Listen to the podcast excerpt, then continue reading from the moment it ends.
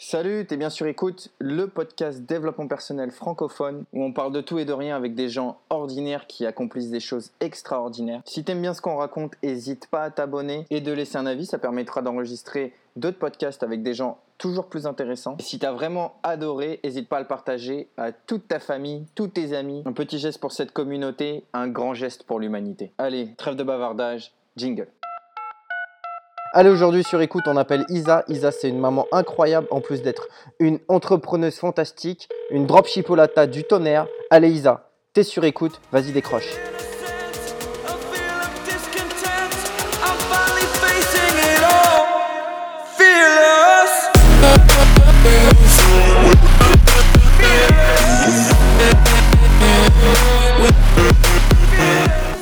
Allez Elle Allez. est là Ça va? Ça va et toi? Bonjour Ça va. Ça va, bonjour. Tu viens de te réveiller là, non? Non, j'étais au téléphone juste avant. Et juste avant ça, j'ai euh, tourné une vidéo. Donc, euh, non. Ah, t'as enfin repris les vidéos YouTube, ça on revient en France, on reprend les bonnes habitudes Euh, ouais, il faut, quand il faut, il faut. Force de rien foutre en Thaïlande, hein. Je sais pas, je sais pas si ça bosse dur chez toi. hein. Bah, euh, si, pas mal. Hein. J'ai une star au téléphone pour enregistrer mon podcast incroyable. Alors, c'est moi qui, qui me fait enregistrer par une star, mais très bien, très bien. oh là là, trop de modestie, trop de modestie. Vas-y, raconte-moi un petit peu ta journée, comment ça se passe maintenant que tu es en France. Tu comptes repartir Tu comptes faire quoi? Tu comptes rester en France? Si tu m'avais dit la dernière fois que tu comptais euh, peut-être t'installer euh, par ici Ah, mais t'es même pas en France, en plus t'es à Barcelone, je suis bête. Ouais, je suis en Espagne, ouais. J'arrive pas à Ouais, ouais, ça. Je cherche mon, mon havre de paix, un endroit où, où je me sens bien, où tu peux trouver de la street food, où tu peux, euh, quand tu as envie, bah, trouver des personnes qui sont euh, comme toi, qui font des trucs que le, le reste du monde ne comprend, ne, ne comprend pas, tu vois. Mais aussi, euh, quand faut bosser, faut bosser. Donc il faut un, pays où il y a de la distraction, mais pas trop. Et voilà, donc euh, je, je cherche encore, je, je vadrouille. Je vais pas dire que j'ai un point fixe. En tout cas, je me sens chez moi actuellement à Barcelone, mais ça va, ça va évoluer. quoi. On enregistre déjà là, en fait. Ouais, ça enregistre déjà pour bien dire. euh, bah, tu vois, Isabelle, c'est ça en fait, hein, au naturel. Peut-être tu la connais pas comme Ah, je la connais moi. Écoute, je viens de faire une vidéo de moi en pyjama, ça va, ça va. le, le naturel, là, je commence à, à l'accepter. Ouais, mais c'est ce que les gens demandent, ceci dit. Ouais, ouais, sûrement, c'est vrai, c'est vrai.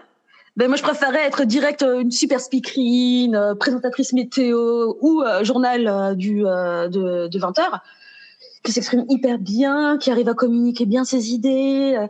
Mais bon, tu vois, euh, c'est pas grave. Je pense que ça arrive avec le temps Mais et avec la pratique. je suis pas sûr que les gens ils aiment ça en fait. Moi, de ce que je regarde, les gens ils apprécient de plus en plus que tu montres tous tes défauts et tout ça, parce qu'en fait tu parais plus humain et ils peuvent plus euh, raccrocher à toi. Ouais, tu penses pas? Bah, écoute, oui et non. Alors, je te dis ça par, par rapport aux engagements de poste, par exemple. Ouais. Quand je fais une photo de moi ultra pro, en mode belle gosse avec son rouge à lèvres et tout, genre ce que je fais absolument pas dans la vraie vie, tu vois. Euh, bah, il y a quand même un engagement de fou. Mais par contre, c'est vrai que ce qui va convertir euh, le plus en termes de conversation derrière, c'est quand je vais vraiment euh, faire, bah là, la dernière photo où je tire une gueule pas possible, où je fais une grosse grimace, où tu ne me reconnais même pas. Bah ça derrière, il y a eu plusieurs personnes qui sont venues me voir en MP euh, pour me, pour du bise en fait. Ouais. Donc tu vois, je, je, je, au final, je sais pas. Je sais pas ce qui. Les gens aiment les deux, non? Bah, je sais pas, le plus important c'est quoi? C'est de recevoir plein de likes ou c'est d'avoir plein de conversions? Ah bah c'est la conversion, c'est même la conversation, j'ai envie de te dire euh, au-delà de ça. Mais euh, ouais ouais non non, l'important euh, au final dans ce métier du business sur internet, c'est le business. Ouais. Ça me rappelle une conversation que j'avais eue avec un coach et, euh, et il disait, lui en fait, il faisait toute sa vente en conférence euh, visuelle, enfin en, face à face. Donc tu arrivais, c'était une conférence gratuite et là évidemment il te vendait tout le package. Et il disait, il y a, il y a deux types de personnes qui font des conférences. Il y a la personne qui va faire des ventes et la personne qui va se faire payer en applaudissements. Il dit quel type de personne souhaites-tu être La personne qu'on va applaudir, donc en- entre guillemets, tu as des likes, tu as des commentaires, ou la personne, bah, tu vois, qui va devenir, euh, qui va avoir des MP et qui va faire des- de la conversion. Je pense que ouais, faut naviguer entre les deux, mais aujourd'hui, on veut beaucoup avoir de likes et, de commentaires, de tout ça, sans vraiment rien faire derrière. C'est pas, pas l'intérêt. Ouais, mais bon, après, une fois que. euh, Enfin, il y a- il y, a deux intérêts de, à, à- à faire cette stratégie. C'est que même si tu as plein de likes, euh, derrière, si tu veux, ça envoie un signal à Facebook que finalement, ce que tu postes est intéressant. Ouais. Donc, tu apparais sur le fil d'actualité. Voilà, donc il y, a les, y a les, il y a les deux paramètres. Mais effectivement, moi, je comprends ce que tu dis, parce que longtemps, j'étais longtemps nourrie par juste euh, les likes, les commentaires, etc. Tu vois, pendant. De... Finalement, ça paye au final. Je sais pas. Alors, je sais pas si c'est toi. Allô T'es toujours là ou si t'ai c'est moi perdu Ouais, mais la connexion est très pourrie. Aïe. Bon, Bah écoute, euh, Internet est quand même pas terrible en Espagne. Franchement, ils te chargent une fortune pour la Ah. merde que c'est. Donc c'est possible que ce soit chez moi. Ah ouais, ouais. Non, chez moi, c'est pas, c'est pas donné, mais, mais c'est bon, en général. Non, mais c'est c'est revenu. En fait, c'est au moment où tu as dit un truc intéressant, bah, ça a tout coupé. je pense que- Ah bah ouais, c'est le seul moment où j'ai un truc intéressant, tu vois. Mais euh, qu'est-ce qui t'a motivé à, te lancer en tant que brokeuse de sites euh, internet, euh, de dropshipping ou de brokeuse en ligne, en fait? Qu'est-ce qui m'a motivée? Bah écoute, euh, c'est une question un peu, euh, je sais pas, c'est venu assez naturellement en fait. D'un côté, moi qui voulais acheter un site qui arrivait pas, de l'autre, les copains qui voulaient vendre un- des sites mais qui arrivaient pas, euh, des histoires euh, d'arnaques de vendeurs qui achetaient des trucs, euh, enfin qui achetaient, qui vendaient des trucs abusés à des prix abusés euh, à des personnes qui n'étaient pas en capacité euh, de les reprendre. Tout ça, tu sais, tu vois la, tu vois la brèche à force de naviguer, tu vois la brèche et tu te dis bon, euh, les copains qui se tournent vers toi, moi, c'est, juste ça en fait, un, un copain qui, qui, qui, a vu que finalement j'avais, euh, euh, j'avais du réseau et que euh, on, on m'écoutait pour, euh, je sais même pas trop pour quelle raison, tu vois, et, et, et je l'ai tenté. Et en un post Facebook, ce- la, la boutique est partie. Et quand tu réalises que tu es capable de vendre un produit à cinq chiffres juste en postant une fois sur Facebook et c'était même pas une vidéo. Euh, c'était un post, tu vois, c'était un truc. euh, Il y avait eu un screen avec euh, euh, le copywriting sur la boutique et boum quoi. Je- le shop est parti et là je me suis dit ah ouais en fait il y a quelque chose à faire. Et au début je voyais ça comme un complément. Et au final ça me, je me sentais beaucoup plus épanouie à le Ouais. faire parce que je me suis sentie soudainement en position de pouvoir aider euh, bilatéralement. Donc euh, d'un côté un vendeur qui voulait euh, passer à autre chose, qui voulait se diversifier, enfin bref, en tout cas qui voulait plus euh, gérer la- sa boutique, et de l'autre un, un acheteur qui euh, euh, ou veut diversifier ou rêve tout simplement de percer euh, dans l'e-commerce avec quelque chose qui marche déjà.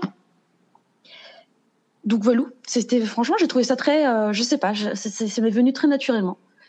Et je me suis fait ensuite euh, bah, bah, connaître dans la communauté pour ça. Le bouche à oreille a fonctionné.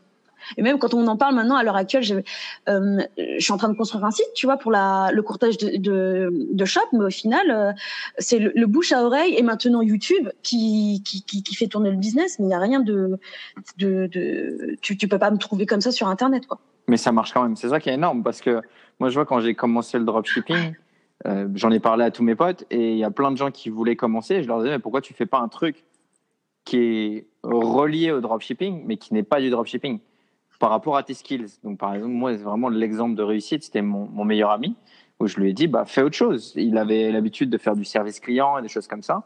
Et je lui ai dit, pourquoi? Bah, tu ferais pas du service client pour des boîtes de dropshipping parce que c'est tellement important le service client dedans. Et il me disait non, non, non, il voulait absolument faire son truc de dropshipping. Il a essayé, il a raté, il a ouvert sa boîte de, de consultant en, en, service client et il a eu deux ou trois clients qui font des, des sept chiffres par mois. Et ben maintenant, euh, voilà, il est tranquille, il fait, il gagne quatre fois son salaire euh, d'avant et euh, sans, sans faire des 20 000 euros par mois, mais euh, il gagne quatre fois son salaire d'avant, il vit à Dubaï, euh, il est marié, euh, la vie est belle. Bah, mais l'important au final, c'est ça, c'est d'arriver à, à, à vivre de bah, du, du, du, du biz sur le web. Si c'est, enfin, le dropshipping, c'est un vecteur ultra puissant. Euh, c'est un, un canal de distribution ultra puissant aussi auquel euh, les, euh, les, les, les, producteurs, euh, enfin les fabricants ne pensent pas toujours.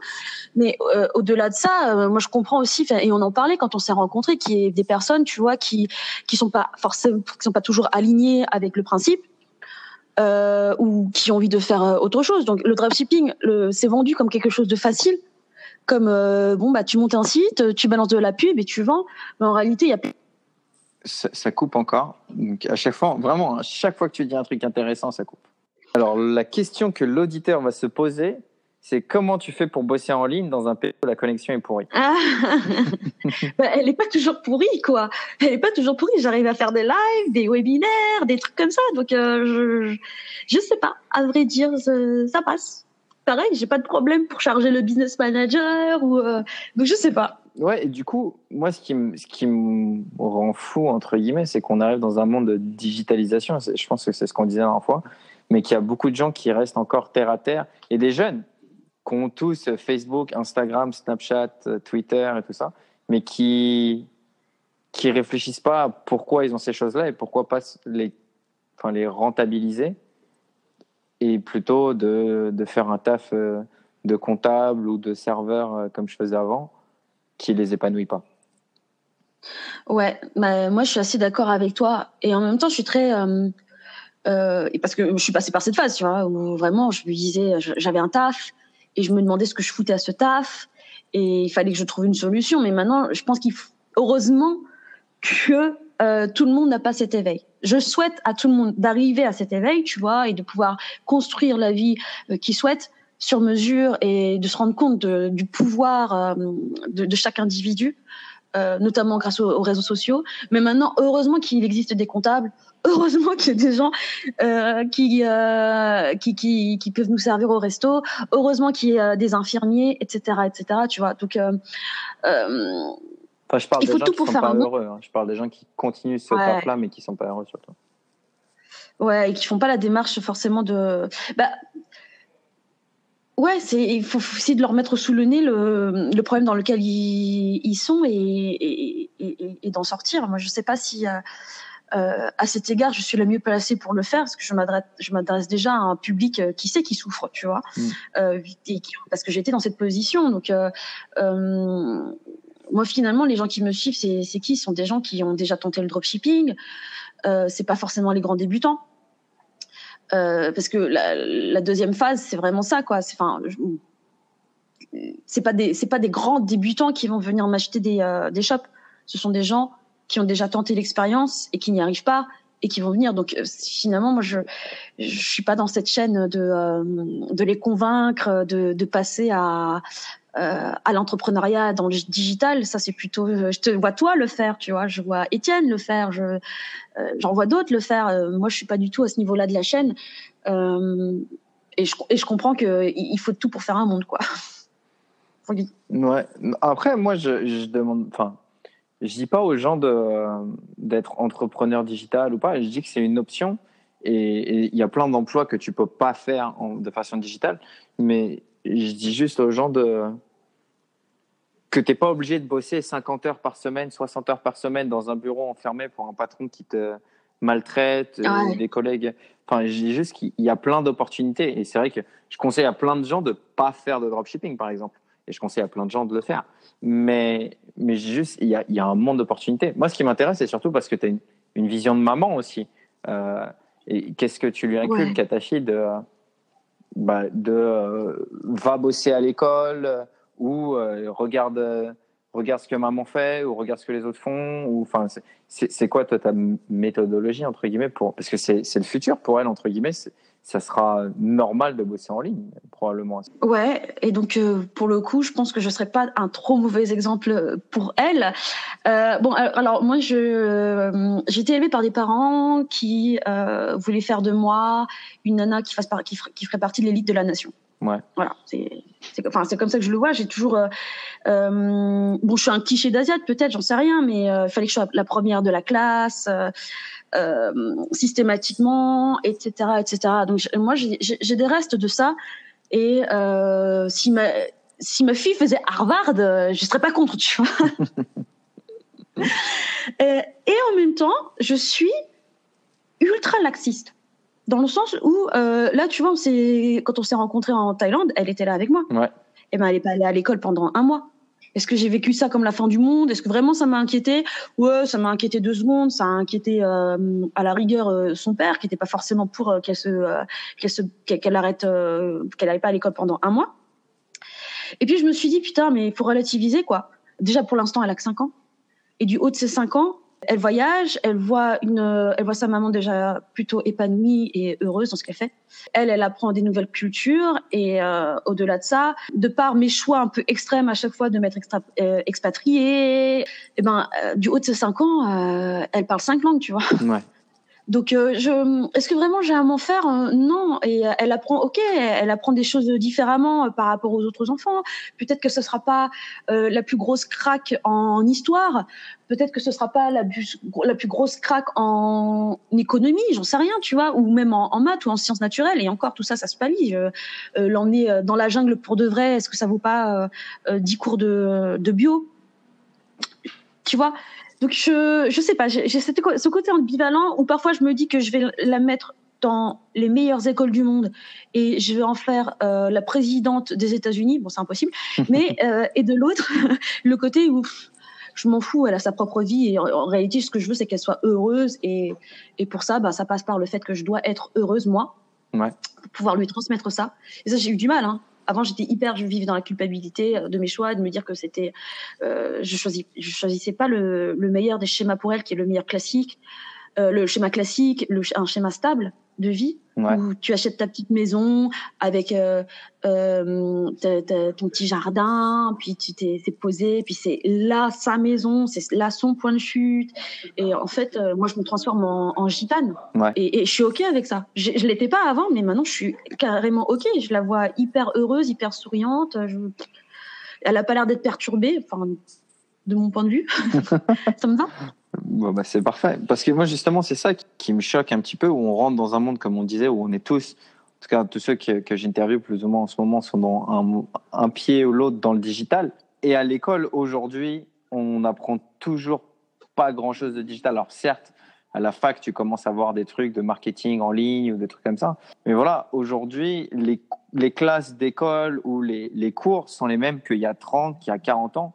Alors que dans les euh, dix dernières années, il y a des milliers, des milliers, des milliers de jobs nouveaux qui ont été créés, mais on n'apprend rien. C'est pour ça ça m'intéressait de voir ce que tu, quelle était ta perception, toi, par rapport à, à ta fille, justement, qui a 5 ans et qui va, dans euh, 20 ans, rentrer sur le, le, le marché du travail. Et Qu'est-ce que tu penses qu'elle fera par rapport à, tu vois, est-ce qu'elle cherchera un, un métier ou est-ce qu'elle sera pas épanouie dans un métier euh, qui, qui est physique, entre guillemets, ou est-ce qu'elle cherchera plus à s'ouvrir par, par rapport à ce que tu lui apportes? Parce qu'elle elle a ton Mmh. éducation, mais elle a celui du papa aussi. Tu disais que lui, il n'était pas, il était pas forcément dans le digital. Euh, non, bah lui de plus en plus, hein, Ouais. à me à me voir réussir euh, soudainement, tu vois, ça ça devient un truc un peu plus euh, concret. Mais au-delà de ça, tu vois, le, là le, il y a, il y, y a deux points que je voudrais soulever là dans, dans ta question, c'est premièrement, effectivement, l'école.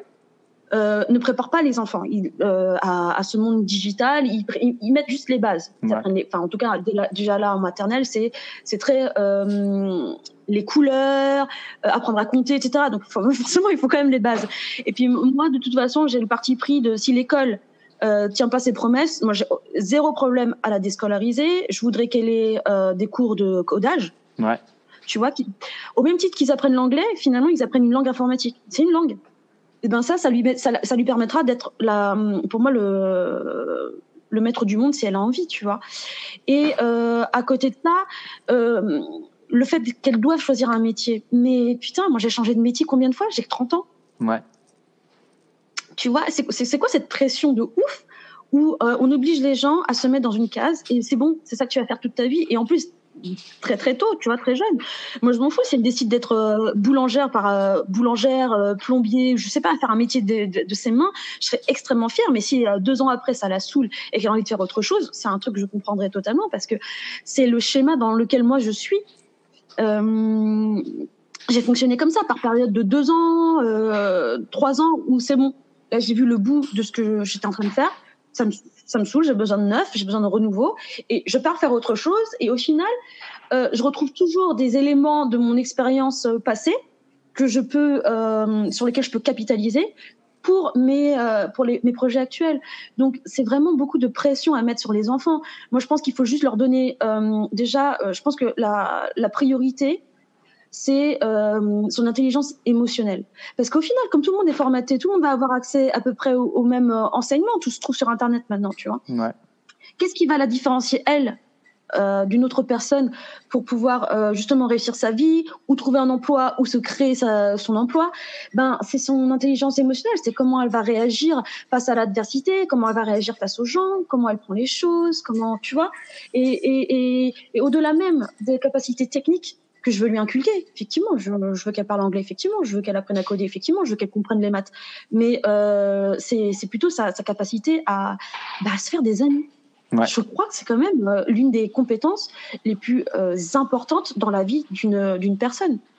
Être entouré de euh, des bonnes personnes, c'est une des clés du bonheur. Enfin, c'est moi, c'est ma vision des choses. Donc zé- zéro pression. Euh, moi, j'ai une vision assez et c'est pour ça que j'ai zéro problème à la déscolariser. Hein. L'école, c'est quand même euh,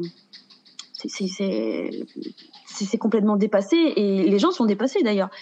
J'ai pas l'impression qu'il y ait beaucoup non plus. euh, Enfin, après, je, je connais pas tous les profs de la planète. Le, le peu de profs que je que je rencontre, c'est que des gens qui veulent être en reconversion. Donc, euh, Ouais. ils sont dans un mal-être euh, profond eux-mêmes. Et co- comment comment révolutionner ça? Je sais pas. Ça, c'est à nos politiques de de s'en charger au final.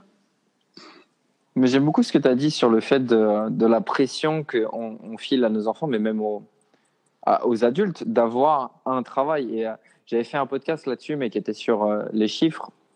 Comme quoi on mettait souvent des étiquettes aux personnes par rapport bah, à l'âge qu'il a, au nombre d'a- d'années d'études qu'il a fait, le Ouais. nombre d'expériences. Mais on veut toujours ces étiquettes, et je pense parce que les gens ont peur euh, bah, d'être perdus, entre guillemets. Tu vois, si tu voyages beaucoup, on va te dire, mais t'habites où au final? Et si tu dis, bah, je sais pas, dans l'avion, bah, on va te faire passer pour quelqu'un qui est pas stable. Enfin, on, si, si- Exact. et c'est pareil quand tu changes de taf. Et moi, ce qui, me- qui me choque vraiment aujourd'hui, c'est pareil pour le coaching. C'est qu'il y a de plus en plus de coachs aujourd'hui qui deviennent coach, mais tu apprends à devenir coach sans avoir Ouais. aucune expérience de vie. Moi, aujourd'hui, je suis coach en développement personnel. Pourquoi? Bah Parce que euh, j'ai voyagé dans plus d'une trentaine, enfin un peu moins, un peu moins de 30 pays. J'ai fait 28 différents pays. J'ai euh, Wow. j'ai fait j'ai été serveur pendant pendant 10 ans. J'ai été euh, euh, à Londres, en Australie. Puis après, j'ai ouvert un business d'e-commerce. J'ai fait un demi-million d'euros. Et puis après, j'ai créé un autre business. Et puis après, j'ai fait ci, j'ai fait ça. Mais il y a une expérience, comme toi, tu disais. Aujourd'hui, bah, on t'écoute parce que t'as- tu as fait ci, tu as fait ça. Il y a du savoir, il y a de la connaissance, mais il y a de la pratique et il y a de l'expérience. Maintenant, aujourd'hui, euh, Ah ouais. Ah ouais, mais ça, c'est pour moi, c'est enfin, c'est à la fois rigolo et c'est à la fois un fléau. Quand je vois des gens qui réussissent un ad set sur Facebook, pour ceux qui te connaissent pas, c'est c'est juste sur réussir une petite publicité et qui commencent à vendre des formations là-dessus. Moi, ça me fait sourire, tu vois. C'est pas, enfin, tu, c'est pas en réussissant une fois que tu es en, en position d'enseigner, mais c'est ce que finalement, en fait, ça c'est ça c'est le, le travers de, euh, de des gourous qui disent que c'est à la portée de tout le monde, que c'est parce que tu en connais un petit peu plus que la moyenne, tu peux commencer à faire ça. Et en, au final, si tu veux, ça, euh, ça, ça, ça, ça, tend à décrédibiliser euh, toute une profession derrière. Et comme les coachs en développement perso, ça se, ça se démultiplie. Donc du coup, tu sais même plus à qui te référer, tu sais pas à qui écouter. Moi, pourtant, ils m'ont vachement euh, soulagée. Hein. Je me rappelle euh, de tous ces. Euh, bah, toi, à l'époque, on faisait pas des vidéos, euh, mais euh, euh, en francophonie, ceux qui sont connus, c'est David Laroche. Euh, bah, je connaissais que lui d'ailleurs en dev perso, tu me diras. Et après, aux États-Unis, il y a Tony Robbins, etc. Eux, ils m'ont, ils m'ont vachement, euh, ils m'ont vachement soulagée quand j'étais salariée et que j'étais, euh, j'étais vraiment pas heureuse dans la position où j'étais. Euh, je, je les écoutais en rentrant du bus et c'était top. Et maintenant, j'ai l'impression que tout, n'importe qui euh, se, prétend euh, coach en développement perso. Euh, certains se, permettent en plus de charger des sommes, mais, Nick, t'as pas, idée des sommes astronomiques que les gens chargent pour le non-savoir. Parce que c'est du non-savoir, c'est même pas, c'est de la retransmission d'expérience. Des fois, tu dis c'est pas cadré, tu sais pas, tu sais pas si derrière les gens vont réussir et ils lâchent des sommes. Euh, on parle de, je sais pas moi, 20 000, 30 000. Moi, je trouve ça effarant. Et sur des personnes qui qui ont pas de vraie formation. Moi, je connais des vrais coachs, des, des, des personnes vraiment formées, tu vois, euh, qui qui ont été et, et, et, et qui n'osent même pas charger ça. Le, le coach de euh, euh, de Steve Jobs ouais. eh ben, il, il, il prend, il prend. Alors, j'ai pas vu la facture, hein. c'est les on dit, mais genre il prend 1200 euros de l'heure, tu Ouais. vois? C'était le coach de Steve Jobs, il a une putain d'autorité. Ben, moi j'en connais qui te chargent 6000 balles, tu vois. Et, juste parce qu'ils se sont construits cette autorité. Donc ouais, c'est vraiment, c'est vrai que c'est un vrai fléau sur le web de faire la, différence entre euh, la part des choses entre euh, qui est apte à t'aider et qui ne l'est pas. Après, bon, euh, je pense que la, personnalité de la personne fait aussi que même si elle est peut-être moins apte, elle est moins qualifiée, t'as plus envie de l'écouter elle qu'une autre. Ça, ça joue aussi. C'est comme ça, c'est comme ça que le monde est fait. Donc, et, dans l'absolu, s'il y a s'il y a des gens qui achètent, c'est que finalement, ça répond à une demande. Mais c'est parce que je Voilà. pense que beaucoup de, de ces coachs ou des, ils utilisent des leviers marketing qui sont très puissants. Moi, je vois, je regardais pour partir en retreat avec euh, ma copine, bah, pour mon développement perso aussi. Et euh, vu que tu es dans des situations de couple, les retreats, des fois, c'est quand les couples vont mal. Et donc, forcément, quand ça va mal dans ton couple, en général, tu es, prêt à tout. Et euh, donc, moi, c'était pas ce genre de là que je, que je cherchais. Mais toujours est-il que j'ai regardé les prix et tu arrives dans les 6 000, 7 000 euh, dollars pour la semaine où, Mm. en gros, on te propose une heure de thérapie euh, par jour. Et puis, euh, après, tu es dans un cadre idyllique, euh, dans une chambre d'hôtel, et puis tu as la bouffe. Mais une heure de thérapie, ça coûte quoi 90 euros? Qu'est-ce que tu me prends 6 000 euros pour, pour, euh, pour ça Mais c'est parce qu'en fait, on joue sur tes émotions. Parce que quand Tout tu es dans un couple, et même en dev perso, en, en gros, euh, bah, enfin, tu vois, toi, toi, la première, tu m'as dit, mon site, il, il sent pas assez la douleur. Parce que, en soi, si tu veux faire que quelqu'un consomme, ou truc comme ça, on est obligé d'appuyer sur des, sur des leviers de, de douleur, de tout ça. Et, et, et donc, je pense que c'est aussi là où tu arrives c'est à. le, mar- c'est le marketing, tu vois. Enfin, moi, je, je- moi, dans la vente de, euh, de mes shops, par exemple, j'essaie, j'évite. J'essaie de, tu vois, je, je suis pas là à, à leur dire, euh, mais quelle serait ta vie après avoir acheté ce shop et tout. Tu sais, c'est des vraies, des vraies techniques de manipulation et de marketeur. Et je sais que ça marche. Ouais. Mais je veux tellement que la personne qui m'achète le shop soit en phase avec son achat et pas qu'elle se dise oh, putain j'ai été manipulée dans l'achat de la de la boutique que j'utilise pas ce genre de technique. Donc effectivement moi j'ai pas d'autre choix que de closer de toute façon par téléphone, mais jamais je, je même si je te dis à toi sur ta page de vente parce que c'est une page de vente à l'écrit de le faire, Ouais. euh, parce que c'est pour ton bien tu veux faire des ventes. Euh, moi je, je, je mon business est basé sur le relationnel, sur le fait sur le vraiment sur le fait que les personnes là, les personnes qui m'achètent des shops, elles lâchent pas des petites sommes, tu vois. Ouais. C'est, ça peut être des, des sommes exorbitantes et il est hors de question de manipuler quelqu'un pour qu'il me lâche euh, 100 000 balles. Je, moi, j'y arrive pas, ça. Je, trouve pas. Je veux que la personne, une fois qu'elle ait lâché ses 100 000 balles, elle se dise putain ouais, ça, c'est l'opportunité de ma vie et à aucun moment je vais le regretter et je vais tout faire pour que ça, ça se transforme en un million. Tu vois, c'est ça le délire et pas juste euh, le- le- leur faire miroiter un quelconque rêve et derrière euh, la personne lâche. Donc j'ai un peu du mal à, utiliser des techniques de manipulation de bâtard, alors que franchement je les connais. Hein. Euh, soyons honnêtes, tu sais, on a, les marketeurs, on a tous été abreuvés aux mêmes ouvrages, je pense, euh, qui sont par exemple euh, influence et manipulation de Cialdini, ce genre de choses. Et franchement, quand tu lis ça, tu découvres euh, les, les, les, les dessous de l'humanité les travers de l'humanité, les, les faiblesses des êtres humains. Et, et parfois, tu, tu en joues, mais tu peux pas en jouer tout le temps. Enfin, ça, ça dépend, ça dépend des. euh, ça, dépend de déjà comment tu fais ta vente. Toi, en l'occurrence, c'est à, à l'écrit, c'est une page de vente. La, la, la personne, elle a besoin de se retrouver de, dedans et de se dire, mais pourquoi, qu'est-ce que, qu'est-ce que changerait cette, cette retreat dans ma vie? Moi, les, les, les personnes, je les ai, euh, je les ai euh, au téléphone et c'est plutôt, euh, ouais, je sais pas, c'est une relation, disons, plus directe, un peu plus humaine. Je- moi, quand j'ai quelqu'un au téléphone, je peux pas aller, je peux pas aller lui mentir, je peux pas, tu vois.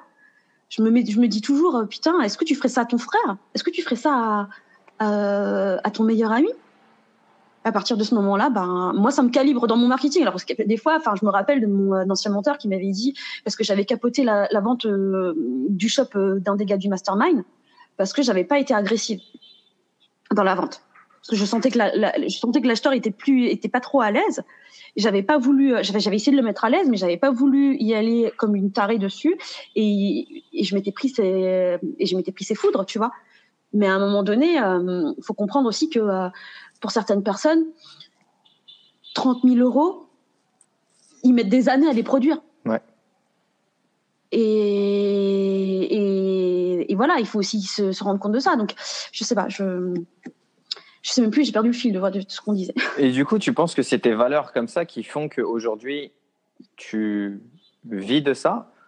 Ou tu penses que tu vivrais mieux si tu avais justement moins de valeurs ou que tu disais euh, non, je m'en fous, il faut que je vende au meilleur prix et, le plus vite Bah, il y a des deux. C'est-à-dire que euh, on me connaît pour ça, pour mes valeurs, pour mon éthique. J'accepte pas tous les shops. Euh, et certains shops, je les accepte, je les accepte, mais je, je déchire le prix, tu vois. Parce que à un moment donné, il faut être raisonnable. Euh, T'es pas en train de, des- fois, enfin, les, les mecs, ils sont là, et ils, veulent juste prendre 200 000 balles et euh, ciao, bye bye. Ça, ça marche pas comme ça la vie, tu vois. Et, et en même temps, je me dis que si j'étais plus agressive, euh, si je décidais de taper sur euh, entre guillemets les handicapés, Ouais.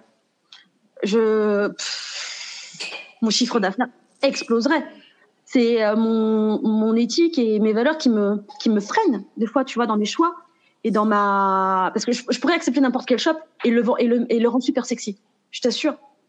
C'est je vois des opportunités, je vois des trucs sexy dans, tous les shops, mais je vois aussi les gros travers. Je vois aussi, j'évalue aussi psychologiquement le vendeur, etc. Je pourrais être et, et, et l'acheteur, et je pourrais être une vraie connasse et vraiment faire euh, euh, rendre un shop dix fois plus sexy qu'il ne l'est et le vendre à une personne complètement incompétente mais qui a les moyens. Tu vois? Ça, je pourrais le faire. N'importe qui pourrait le faire. Et j'ai choisi de pas le faire parce que je me dis que sur le long terme, ça va tuer mon business. Ouais, c'est ça. Donc, du coup, sur le, sur le court terme, oui, mais sur le long terme, non. Bah, c'est ce, que- c'est- c'est ce que je me dis, ouais. Et, et sur le long terme, du coup, ça, ça donnerait quoi après, après le brokerage C'est de devenir une plateforme encore plus grande? C'est de c'est de- d'embaucher Bah, des de- gens qui, qui deviennent pour toi broker ou c'est quoi le, le Ouais, scaling de c'est ton vraiment ça. business model? Bah, c'est ce qui, c'est ce qui va se passer en fait. C'est que euh, au final, ces valeurs et cette éthique, je veux la transmettre à une équipe Ouais. qui va prendre le relais, euh, autant dans la vérification des shops que euh, dans la vente derrière. Donc en fait, c'est me transformer véritablement en, en agence immobilière, avoir cette plateforme de courtage qui va faire, qui va permettre quand même euh, de soulager le, le travail actuellement, qui est euh, très euh, manuel et très euh, de bouche à oreille. Même s'il y a quelques automatisations, franchement, euh, c'est pas le, c'est pas le top. Quoique je me dis que ça fait aussi sentir la personne spéciale parce qu'elle reçoit certains shops et pas tout, tout le catalogue et elle se sent moins perdue. Ouais. Euh, mais euh, c'est comme ça que je vais le scaler. Et puis euh, moi, tout ce que j'apprends là en, en brokerage de business, parce que finalement c'est ça, ça se résume à ça. Parce que je, je, je ne fais pas que du brokerage de boutique en dropshipping, je me tends vers du brokerage de vrai business. Euh, Je, à terme, c'est de pouvoir aussi broker à moi mon, mon plus gros business en e- en e-commerce. J'ai des beaux projets, euh, pas qu'en drop. Le drop, pour moi, c'est un bon levier de décollage, mais tu peux, c'est c'est tellement puissant que tu peux passer en marque derrière tu peux faire des choses incroyables et, et donner de la valeur euh, aux gens et revendre moi-même un, un très très gros business à une grosse marque euh, parce que j'aurais tapé sur un secteur qui ne, sur lequel ils sont pas assez lean par exemple pour bouger Ouais. Euh, ce genre de choses. Donc euh, voilà, il y a, y a plusieurs points de, de ce business, il y a plusieurs, euh, euh, ouais, je vois plusieurs trajectoires qui, qui vont se rejoindre finalement. Euh, c'est ce que disait Steve Jobs. euh, tu le, tu vois pas tout de suite en fait dans tes échecs ou dans tes choix, comme on disait tout à l'heure. tu vois, tu changes de carrière tous les deux ans, c'est pas normal, t'es instable, blablabla. Mais au final, tous les fils, tout- tous les pièces du puzzle finissent par se rejoindre à un moment donné. Et le big picture, il est là. C'est que je vais être une, une brokeuse de vrai business digitaux et, euh, et, et également euh, broquer euh, les miens quoi des gros parce que vendre, vendre mes petits shops de drop ça y est c'est fait mais euh, vendre un, une vraie marque un vrai truc dans lequel j'ai mis mis mon âme ça aussi c'est un un de mes objectifs Et c'est pas dur de vendre un truc dans lequel tu as mis ton âme? Justement, c'est un peu vendre euh, un deuxième enfant? Ah bah si complètement, d'où euh, d'où à la limite tu vois euh, l'utilité aussi de former une équipe et de pouvoir euh, confier ce brokerage là à, à une personne de, confiance euh, qui, euh, qui, qui qui le fera parce qu'effectivement c'est toujours dur de revendre son bébé. C'est pour ça que d'ailleurs euh, j'existe. Euh, sur les des, des très beaux shops, les, les gens viennent et me confient leur enfant, tu vois. Le but du jeu, c'est pas de le brader. Bon, parfois ça arrive. Ça arrive quand il n'y a pas de d'offre, quand il y a pas de demande en face. À un moment donné, il faut être réaliste et euh, savoir baisser son prix pour pouvoir pour que la transaction se fasse. Mais euh, mais ouais, si si si, vendre son vendre son enfant. Bah après, j'en ai fait plein des enfants au bout d'un moment. euh, je rigole, je rigole. J'espère que ta fille va pas écouter ce podcast dans 10 ans.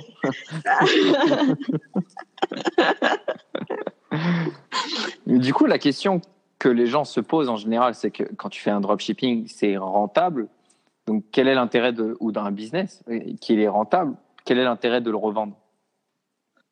Bah, d'une, parce que des fois, enfin, ça, ça dépend du business et comment tu l'as fait. Si tu l'as très bien fait, on part du principe que tu l'as très bien fait, ben, en fait, tu- tu, doubles, euh, tu doubles ta, ta renta quasiment. Si t'es, euh, si, si, si c'est très bien fait. Alors, quand je dis très bien fait, c'est que tu as, pris soin de, de ta base client, au final. Ouais. C'est ça qui compte. Et euh, ce que les dropshippers ne font pas forcément. Et, euh, et puis surtout, euh, finalement, la, plus grosse difficulté des dropshippers, de manière générale, c'est ce que j'observe en tout cas sur mon marché, c'est leur maîtrise du cash flow.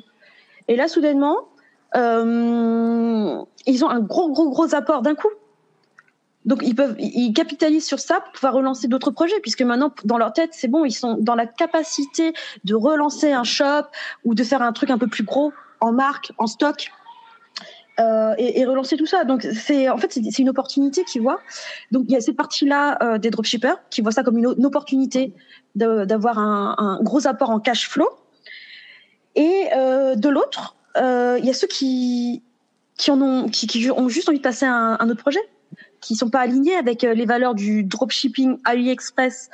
Euh, plus euh, vecteur de trafic quel qu'il soit, qu'il soit euh, Google Ads, Facebook Ads, influenceur.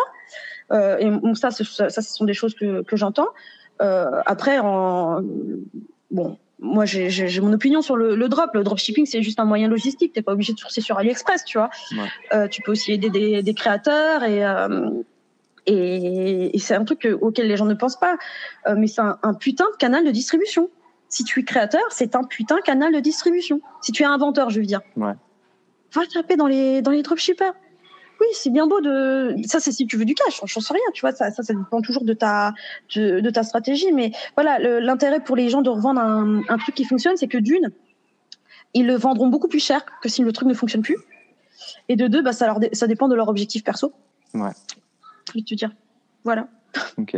Et moi, ce qui m'inquiéterait, si je connaissant la mentalité des dropshippers, si je devais acheter, je me dirais que le gars qui me le vend, il connaît tous les outils pour recréer le même site et, et me la faire à l'envers. Et ouais. Et ça, malheureusement, ça existe. Ça, malheureusement, ça existe. Euh, mais il y a plein d'outils pour les retrouver déjà. Plein d'outils pour les euh, pour les surveiller. Bon, ça c'est des ça c'est mes méthodes à moi. C'est des trucs un peu euh, euh, de hack, tu vois. Mais clairement, j'ai déjà chopé un vendeur qui avait dupliqué son shop. Ouais. T'inquiète pas que ou il le ferme son shop, ou il se retrouve où il n'arrivera pas à le faire décoller en fait. Des techniques de un peu chambées pour pour que ses ventes euh, se pètent la gueule. Donc à un moment donné, tu vois, c'est c'est pas dans son intérêt de le faire parce que d'une, c'est sous contrat, il a pas le droit de le faire. Donc s'il le fait, ben il peut être attaqué en justice. Après si si ça ça ne le fait même pas peur, ben il y a des techniques beaucoup plus euh, dark de euh, pour l'empêcher euh, d'o- d'opérer. Donc euh, c'est pas du tout dans son intérêt d'être. Euh, moi je peux te retrouver un shop qui qui qui qui qui enfin tout non je sais pas ça je peux je je peux retrouver euh, facilement euh, des shops qui utilisent le même pixel Ouais. c'est facile, tu vois. Euh, tu peux, euh, enfin, je, je peux pas te balan- je peux pas balancer les techniques comme ça euh, en ligne et euh, sur la place publique parce que euh, sinon ils trouveraient des parades pour se protéger. Ouais. Mais disons qu'ils sont, euh, ils sont pistables et ils sont pistables beaucoup plus facilement euh, qu'il n'y paraît. Et sur le et les gros les gros dropshippers que je connais qui veulent m'acheter des shops, généralement, ce que je leur demande, s'ils veulent une URL pour pas qu'ils se retrouvent à, à pomper des shops, par exemple, Ouais. euh, je leur demande euh, l'URL d'un de leurs shops. Parce qu'avec ça, je peux tout, je peux tout retracer derrière. Donc, euh, en, en, tu sais, en caution, Ouais. en caution valeur, pour être sûr qu'ils ils fassent pas de, ils fassent pas des, des coups de pute et qu'ils détruisent mon, mon business déjà pour commencer, euh, mais surtout qu'ils mettent en galère euh, ou le vendeur ou l'acheteur. Donc euh, tout ça, il y a des outils euh, de, de pistage. Ok. Donc euh, voilà. Tu et puis toi tu sais très bien pour, pour connaître plein de gens qui se passent des trucs plein, bien dark sur le web. Donc euh, voilà, c'est pas dans l'intérêt d'un vendeur de jouer au plus, au plus malin parce qu'il y a toujours plus malin que lui. Ouais, mais c'était vraiment un truc où je me suis dit, donc c'est bien de pouvoir rassurer d'une façon ou d'une autre la- la- les gens, parce que je me souviens d'Internet il y a 15 ans de ça ou 20 ans de ça, on voulait même pas acheter sur Internet parce qu'on avait peur euh, de se faire voler euh, sa carte bleue ou, un truc comme ça. Mais maintenant, euh, maintenant c'est vrai qu'avec avec toutes ces techniques un petit peu, on ne sait jamais jusqu'où on est en sécurité ou jusqu'où on, ne l'est pas au final. Ouais, tout à fait. Bah écoute, il y a quand même des, garde-fous. Donc voilà quoi, c'est c'est relativement bah, en tout cas quand tu passes euh, par euh, par un broker, c'est relativement euh, protégé, tu vois. Après je sais pas ce que ça donne sur euh, juste Shopify Exchange ou euh, juste Empire Flippers, ce genre de choses. Je sais pas à quel point ça c'est garanti. Et encore Empire Flippers, je crois qu'ils ils refusent les boutiques de drop maintenant. Mais mais voilà quoi, c'est sécurisé jusqu'à un certain point, tu vois. Je, clairement, c'est il y a toujours des risques à tout business. Et clairement, si, une personne veut m'acheter un shop et qu'elle est averse à la concurrence, par exemple, en fait, à partir du moment où tu dis ah mais il y a trop de cur- concurrents et tout, moi je, vais t'éliminer de mon de mon portefeuille euh, de clients ou d'acquéreurs potentiels euh, en boutique de drop en tout cas, dans le sens où c'est pas fait pour toi. Tu vas faire des syncopes. Si tu as peur de la concurrence, tu vas faire des syncopes. Le dropshipping, c'est ultra concurrentiel c'est ultra concurrentiel et pareil, il faut être prêt à, je te dis, des fois à, pratiquer des trucs un peu dark pour s'en sortir euh, si le, si, si, s'il y a de la concurrence déloyale de fait. Voilà. Tout à l'heure, tu as dit un truc très intéressant et j'aimerais bien qu'on y revienne. Tu m'as dit que d'écouter des vidéos ou de, des audios de, de Tony Robbins ou David Laroche et tout ça, tu avais sorti de, de Dark Place. Et s'il y a quelqu'un qui était dans, dans cette situation aujourd'hui, enfin, que- quel genre de situation, comment, enfin, c'était quoi la Dark Place? Est-ce que tu avais perdu confiance en toi? Est-ce que tu étais dans, dans, le, dans la façon dont on appellera aujourd'hui une dépression? Et, et quels sont vraiment les outils qui ont fait que tu as pu t'en sortir? Ouais, je pense que vraiment, euh, j'étais en. Alors, j'aime pas utiliser le, le mot burn-out parce que tout le monde l'utilise à toutes les sauces, mais j'étais vraiment à deux doigts de, de juste euh, rester dans mon lit Ouais. et de plus me lever, tu vois. Euh, pour aller travailler parce que j'étais euh, enfin il se passait des trucs euh, au boulot qui me semblaient incroyables alors moi moi je maintenant avec euh, je relativise toujours tu vois je, je prends toujours mes responsabilités je me dis que c'est parce que j'ai pas su communiquer le fait que j'avais besoin d'aide Que j'étais pas d'accord sur le fait que euh, c'est moi qui pilotais un projet et que c'est un tel qui se prenait les lauriers, euh, que euh, ça devait être passé en département et que ça n'a pas été fait. Il y a eu plein de, il y a eu plein de couacs que je n'ai pas su exprimer. Ça, c'est mon problème, tu vois. Et donc, ouais, j'ai souffert de ça. Mais derrière, ce qui m'a sauvé, c'était ce qui était devenu une vraie problématique, c'était que je voyais plus ma fille grandir, en plus de la souffrance que j'ai éprouvée au travail, parce que je passais une heure et demie de transport dans une heure et demie dans les transports, euh, donc aller et retour, ça faisait trois heures par jour de transport. Même si je voyais la mer, même si c'était l'Espagne, même si oulala, là, là, tu vois, euh, peu importe, c'était trois heures de transport et trois heures que je, que où je voyais pas ma fille grandir, je la voyais une demi-heure par jour, c'était incroyable euh, pour un bébé en plus. Et ben, qui, me- ce qui me faisait souffrir, c'est cette heure et demie, je l'ai transformée en, en machine de guerre. C'est-à-dire que ce temps de transport, j'aurais pu le passer, et je l'ai passé. Des fois, je l'ai passé à faire de la méditation, à regarder les détails sur la route, à essayer de, tu sais, de, de vider ma tête. Ouais. Ça, ça c'est constructeur, tu vois, c'est réparateur. Mais c'est surtout, euh, j'avais mon rendez-vous euh, le soir. Je, je montais dans le car et euh, d'une, je faisais ma cassos, donc je voulais parler à personne. Je mettais mes écouteurs, donc ça c'est le signal où tu tu veux tu veux pas que la personne qui se passe euh, qui se pose à côté de toi se mette à te parler. C'est comme ça, c'est horrible, mais c'est c'est comme ça, c'est une technique. Et euh, je me mettais à, j'avais mon rendez-vous donc tous les soirs, euh, j'écoutais une vidéo de David Laroche, une vidéo d'Olivier Roland, une vidéo de Gary Vee, j'écoutais un morceau de livre audio. Et c'est comme ça que j'ai consommé beaucoup beaucoup de livres. Ça c'était pour le soir. Le matin je lisais physiquement des bouquins ou j'écoutais des livres audio. Et ben, tu vois, ça m'a permis de d'apprendre énormément de choses, de développer mon intelligence émotionnelle, de relativiser par rapport à ce que faisaient certains de mes collègues. Des fois, en fait, quand, quand ils réagissaient super mal, au lieu de moi réagir super mal, j'éprouvais de la pitié dans le sens où je me disais, bah, c'est parce que ces personnes-là, elles souffrent vraiment pour, euh, euh, pour réagir de, de manière aussi, euh, aussi stupide. Euh, et, puis surtout, ça m'a permis de me dire, de me dire que euh, euh, j'étais à un endroit où je voulais pas être, et, euh, mais qu'il fallait que je tienne bon jusqu'à que je puisse partir. Donc ça m'a, du coup, soudainement, tous mes efforts d'économie, parce que j'étais bien payée, mais je, et je mettais tout, quasiment tout de côté. Je me privais de beaucoup de choses, je mettais tout de côté pour pouvoir préparer cette sortie. Vivre de mes co- économies. Moi, comme je, suis en Espagne, j'avais pas le droit au chômage, j'avais pas le droit à la rupture conventionnelle, j'avais pas le droit à tout ça, quoi, à toutes les aides que peuvent apporter. Euh, euh, la, chance qu'ont les Français, je crois qu'ils s'en rendent pas toujours compte. Euh, mais ils ont des, parachutes, ils ont des garde-fous. Moi, j'avais pas de garde-fous, tu vois. Donc j'ai préparé. Pendant, à partir du moment où je, mais même en fait dès le premier jour, hein, quand je suis rentrée dans la boîte, je savais qu'il y avait un truc qui clochait, qui allait pas, et j'ai préparé, j'ai préparé ma sortie, quoi. Avec un Voilà. Et tout ça, c'est grâce à des, bah exactement. Et tout ça, c'est grâce à des gens bah, comme toi, comme euh, David Laroche, comme euh, tu sais des gens qui qui, qui qui qui postent du contenu, qui créent du contenu, et tu sais pas qui peut t'écouter. Tu sais pas qui va tomber sur euh, sur toi, mais ces gens-là, alors je leur ai pas donné un centime, ils ont impacté considérablement ma vie parce qu'ils m'ont donné le courage d'affronter, euh, d'une, bah, de serrer les dents, de serrer les fesses pendant cette période où vra- vraiment je, je, je pensais qu'à ça, c'était ma sortie, et, euh, et, et d'arriver à accomplir le, le peu de choses que j'arrive à accomplir aujourd'hui, tu vois. Est-ce que tu as une routine aujourd'hui pour pas justement retomber dans cette, euh, dans cette spirale ou Non. dans ce pli ou, Pas du tout. Pas du tout. C'est à partir du moment où où j'ai pris mon envol, euh, je suis retombée très très bas euh, dans les tréfonds, euh, tu sais, dans les travers du dropshipper. Ouais. ou euh, la personne qui euh, ne sort plus de chez elle, qui mange même pas, tu vois, qui est là à, à essayer de capter la dernière pub, euh, à monter des shops, à faire des pubs qui fonctionnent ou qui fonctionnent pas. Ça, c'était ça.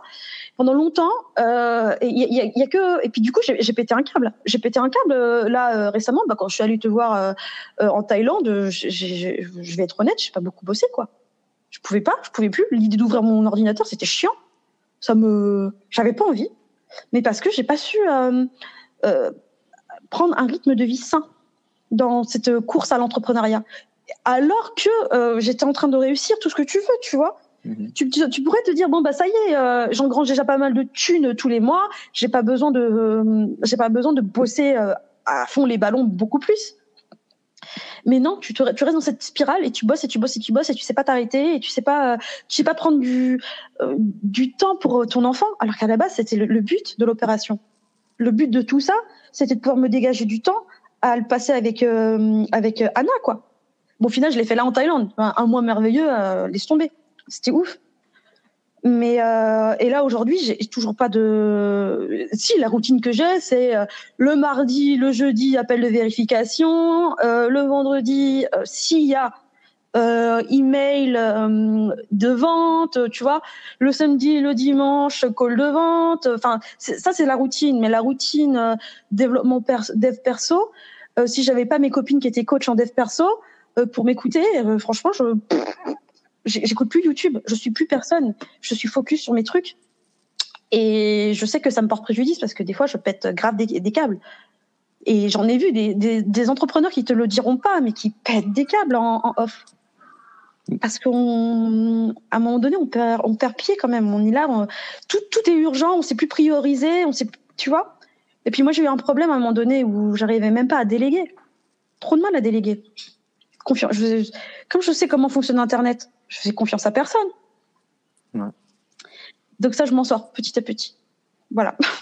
je me, je me guéris. Mais ouais, je suis retombée dans une sacrée spirale de workaholic, quoi. Ouais. Oui, c'est marrant, mais c'est pour ça, exactement, c'est ce que tu as dit, c'est pour ça, et c'est là que j'ai décidé de devenir coach. Quand j'ai fait la Ecom Villa, on sortait de notre, euh, on était à 750 000 dollars de chiffre d'affaires en Mhm. neuf mois. On sortait du 1,5 Félicitations. million d'euros en cinq mois. Et, euh, et ouais, oui et non. Après, c'était du dropshipping, on a copié le produit. Enfin, moi, moi j'en suis, enfin, c'est un, un chiffre, mais j'en suis pas spécialement fier. Je suis plus fier de, de maintenant de faire beaucoup moins de chiffre d'affaires, mais de, de coacher des gens ou de, de faire des podcasts et de me dire, euh, il y a un gars qui va peut-être écouter ou une fille qui va écouter et ça va changer sa vie. Et peut-être me le dira jamais, mais euh, si tu changes la vie de quelqu'un, ça changera la vie de quelqu'un d'autre qui changera la vie de quelqu'un d'autre. Mais toujours est-il, donc après, on a fait la Ecom Villa et quand on a reçu plein de gens, euh, on, était une vingtaine, je crois, ou presque la trentaine, et, euh, et tout le monde donc était parti pour avoir fait les entretiens. Moi, je voulais vraiment que ce soit des gens qui étaient like-minded, et ils sont tous partis de leur taf pour ce que tu as dit, tu vois, pour arrêter de bosser autant, avoir plus de liberté, passer plus de temps en famille, plus de temps à la maison, plus de temps avec les amis ou peu importe, toujours avoir plus de temps. Et ils sont lancés Mm. dans l'entrepreneuriat en ligne et ils se sont retrouvés encore plus isolés, à bosser trois fois plus pour trois fois plus de risques, à gagner beaucoup plus d'argent, mais à gagner 20 fois Et plus pas de toujours. stress. Oui, pas toujours. Ouais, mais pas toujours d'ailleurs en plus. Ouais. Et c'est là où je Ah me bah suis ouais. dit, mais il y y, a une faille quelque part où tu as quitté ton taf pour quelque chose, tu l'as eu, tu l'as touché, et tu l'as démonté, démoli, sali euh, par toi-même pour en recréer euh, un truc pire que là où tu étais avant. Euh, Ah, mais ça, franchement, tu vois, ce que tu dis là, ça résonne vachement en moi. Parce que au moins, quand j'étais salariée, j'étais réglée. Tu vois, j'étais réglée. Il fallait que je me réveille à telle heure. À telle heure, il fallait que je fasse ça. Que j'arrive au bureau. Au bureau, bon, j'avais ma routine. Et enfin, la routine. Et en fait, cette routine qu'on essaie de casser quand on souffre comme ça de son poste et du fait de ne pas voir sa famille, etc., eh ben, elle a un certain confort. Et c'est un truc c'est un truc que les, les gens qui se lancent dans l'entrepreneuriat devraient apprendre en premier à remettre en place une routine, une routine saine de boulot. Et moi, je te dis ça après, euh, ça va faire quoi là? Ouais, ça fait un peu plus d'un an et demi là que, que, que je fais ça. J'ai besoin. Ça fait deux mois où je, suis en pétage de câble intégral, tu vois, par rapport euh, au taf. Je le fais, hein, mais je le fais, je le fais. parfois, je le fais pas avec plaisir, quoi. Et mais je, c'est pas le taf en soi qui me fait pas plaisir. C'est parce que moi, j'ai pas défini des règles euh, et j'ai pas priorisé mon bien-être non plus. Euh, et je fais tout de manière malsaine. Dans le sens où tu vois le sport, je j'en faisais plus, euh, je bouffais pas, je et, et c'est tout ça qui rend que le qui rend le taf au final plus fastidieux qu'il ne devrait l'être. Et du coup, tu le sais déjà, qu'est-ce qui t'empêche de, de reprendre les, les commandes ou de, ou de bouger? Bah rien, la- Bah, y a- rien. y a- Ce qui m'empêche, c'est moi. C'est moi, tu vois. C'est parce que je prends pas la décision de le faire. Mais justement, c'est ça qui m'intéresse parce que du coup, je suis sûr qu'il y a beaucoup de gens qui vont peut-être écouter ce podcast, euh, on ne sait pas, mais qui, sont peut-être dans cette situation-là où moi aussi je l'ai été et je le suis tous les jours. C'est pour ça que je me, je me bats tous les jours avec, avec moi, mes, mes démons perso. Mais ce qui m'intéresse, c'est plus de savoir les tiens. Qu'est-ce qui est. Il y a forcément une voix ou il y a forcément une sensation ou, ou une image qui fait que bah, ça te bloque de prendre plus soin de toi. Ouais. Alors c'est vrai, c'est une, une vraie question que je me. Moi je sais un truc, c'est que quand je vais voir mes potes euh, bah, en Thaïlande et toi y compris, tu vois, mais je pense à Bertrand, Sarah, tout ça, tout ça. euh, eux ils ont une routine, tu vois, ils, ils trouvent un, un- une activité sportive et ils y vont le matin et après euh, et, et je les envie de faire ça. Et moi en même temps, et je les regarde en même temps et je me dis putain mais flemme. et ça me demande en fait un effort. euh, étant donné que c'est pas du tout une, une- c'est, plus du tout une habitude euh, d'aller faire du sport, euh, ça me demande un effort euh, surhumain. Et, et- là, je commence à, tu vois, je, en fait, je pense que c'est juste décider. Quand je décide un truc, par exemple, quand je décide de monter un business ou quand je décide de, de racheter un shop ou quand je décide de, tu vois, je, je le fais, je passe à l'action et ça va, et, et- ça dépote. Mais c'est juste ça. Je, je sais pas ce qui m'empêche de prendre la décision. Je sais pas si c'est cette image. euh, Peut-être que, bon, de- déjà entre nous, toi et moi, euh, depuis que je suis toute petite, je déteste le sport. Euh, et euh, et c'est peut-être parce que j'ai pas encore trouvé l'activité qui me fasse kiffer. Il y a aussi ça. Et alors, ça demande tout un. Et, et j'ai l'impression que tu vois, j'ai besoin d'être. c'est une impression. Je sais que c'est qu'une impression, mais j'ai besoin d'être focus sur chaque projet. Et donc, il faudra à un moment donné que je prenne la décision d'être focus sur mon bien-être et pas être focus sur le biz, tu vois. Ouais, parce que le bien-être, c'est pas que que faire du sport. hein. Non, bien sûr, tout à fait. Et là, de plus en plus, euh, parce que je, je recommence à m'ouvrir, je recommence à aller voir mes amis, même s'ils sont aux quatre coins du monde, tu vois, que je faisais plus, j'allais même pas les voir. En fait, j'étais arrivée à une période de ma vie où si tu faisais pas du, du e-commerce, tu, tu n'étais pas intéressant. C'était, c'est, ah, incroyable de, de, de, de, de, raisonner ainsi. Mais j'étais butée, focus, et j'avais ce prisme comme ça. Bah, c'est ce qui a fait que tu as réussi aussi, quand même. D'être d'être- focus. Exactement, c'est l'ultra focus. Mais, là, actuellement, je pense que j'éprouve à nouveau le besoin de sortir de, ce- de cet ultra focus parce que, ça, parce que ça va, tu vois, pour moi, probablement. Parce que peut-être que ça y est, j'atteins le point où je me dis ça va, je peux souffler et juste prendre la décision, en fait, de me poser sur mon, sur mon agenda et de me dire voilà, meuf, maintenant tu te réveilles à 6 heures du mat tous les matins et entre 6h30 et 7h30, tu vas faire ton putain de sport. Moi, je mets, je Ouais, mets le, je mets l'emphase sur le sport parce que Ou tu fais euh, du yoga, ou tu lis, ou tu, euh, voilà. tu fais des pâtes, peu importe. Exactement, un truc qui me fasse kiffer. Bon, moi je mets l'emphase sur le sport parce que c'est toujours été mon rêve secret d'être une sportive, euh, super bien gaulée, tu vois. Et euh, mais je, je mets l'emphase le- là-dessus parce que c'est, je sais que l'activité physique est un point capital pour euh, dans ta santé, Ouais. tout simplement. Et Ouais. qu'il faut être en bonne santé pour pouvoir euh, continuer à réussir et encaisser tout ce que tu dois encaisser euh, en entrepreneuriat parce que c'est pas fait pour les fiottes. C'est pas fait pour tout le monde. Hein. Je sais pas, tous ceux qui démocratisent l'entrepreneuriat, c'est pas vrai, c'est pas fait pour tout le monde. Il faut être sacrément solide. Ouais, il y a Je beaucoup pense, de hein. gens. Il y a- beaucoup de gens, mais c'était Gary Vee qui avait dit un truc comme ça que euh, il avait un de ses meilleurs amis qui était un, un très successful entrepreneur et qui avait fini par se suicider juste parce qu'il pouvait pas avec la pression. Alors que le gars était successful, quoi. Donc, euh, t'imagines? Ouais. Ah bah euh, ouais, euh, j'imagine. Et après, je, vois aussi des mecs ultra brillants dans mon cercle, mais ultra brillants, qui ont fait les plus grandes écoles, qui ont sur des postes, enfin des postes d'élite, si tu veux, en grande entreprise. Je les vois pas du tout. eux, ils seraient perdus en, en tant qu'entrepreneurs, tu vois. Ils ont besoin d'un cadre strict, etc. Donc je sais pas. Faut à un moment donné, euh, c'est pas fait pour tout le monde. Et le dropshipping encore moins. C'est pas fait pour tout le monde. C'est- Dire que c'est facile, c'est faux.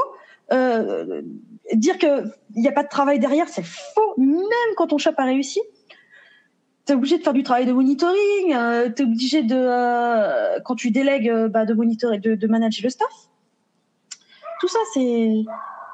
Tu vois, et, quand tu te prends un commentaire désobligeant, ce genre de choses, bah, il faut, arriver à faire la part des choses et pas être affecté. Il faut arriver à se remettre toujours en question. De toute façon, pour moi, je prends toujours tout, ce qui t'arrive dans la vie est une conséquence de ce que tu as fait. Euh, bon, des fois, il y a quand même des cas extrêmes. Hein. Euh, Par exemple, là, je, je pense au cas de, de l'influenceur Gate. Tu vois, des fois, tu, tu es là, tu te dis, bon, bah, c'est bon, je vais partir sur cette, sur cette stratégie. Et tu fais tout ton tunnel en fonction de ça, etc. Et derrière, boum, euh, les influenceurs se mettent à, à te mettre des bâtons dans les roues, euh, à parler d'AliExpress à balle, ce genre de choses. Bon, bah, voilà, tu vois, c'est ça, ça, ça c'est hors de ton contrôle. Mais tout ce que tu peux contrôler, euh, bah, bah, tout le reste est, en, euh, est, entre tes mains en fait. Et il y a des gens qui sont pas taillés pour se prendre des blocages PayPal, pour se prendre des haters, euh, pour euh, même dé- déléguer leur SAV, ils y arrivent, ils y arrivent pas, tu vois. Enfin, c'est un truc de fou. Donc moi je pour en revenir à ce qu'on disait tout à l'heure, tout à l'heure, quand tu disais euh, ouais les gens ont du pouvoir, enfin il faudrait qu'ils réalisent qu'ils ont ce pouvoir et qu'ils peuvent se lancer sur Internet euh, s'ils souffrent dans leur boulot, ouais, mais il faut qu'ils choisissent bien la branche dans laquelle se euh, aller parce que euh, il y a des métiers durs sur Internet. Ouais, il y a plein de métiers durs. Moi, en fait, ça me fait juste penser qu'on peut tous être VA aujourd'hui, tu vois, en virtual assistant, euh, si t'es pas heureux dans ton taf, et que tu es fort à écrire et que tu adores écrire, bah, euh, deviens copywriter la moitié de ton temps et garde la moitié de ton temps sur ton taf. Comme ça, tu gardes une, sé- une sécurité de l'emploi. Et... Enfin, il y a toujours plein, plein, plein, plein de possibilités. Ouais, ça c'est vrai. Une question qui n'a rien Ah, à voir, mais euh, justement, tu as parlé deux fois de, de toutes les choses ont, ont des conséquences et euh, tu l'as dit de, de deux façons différentes.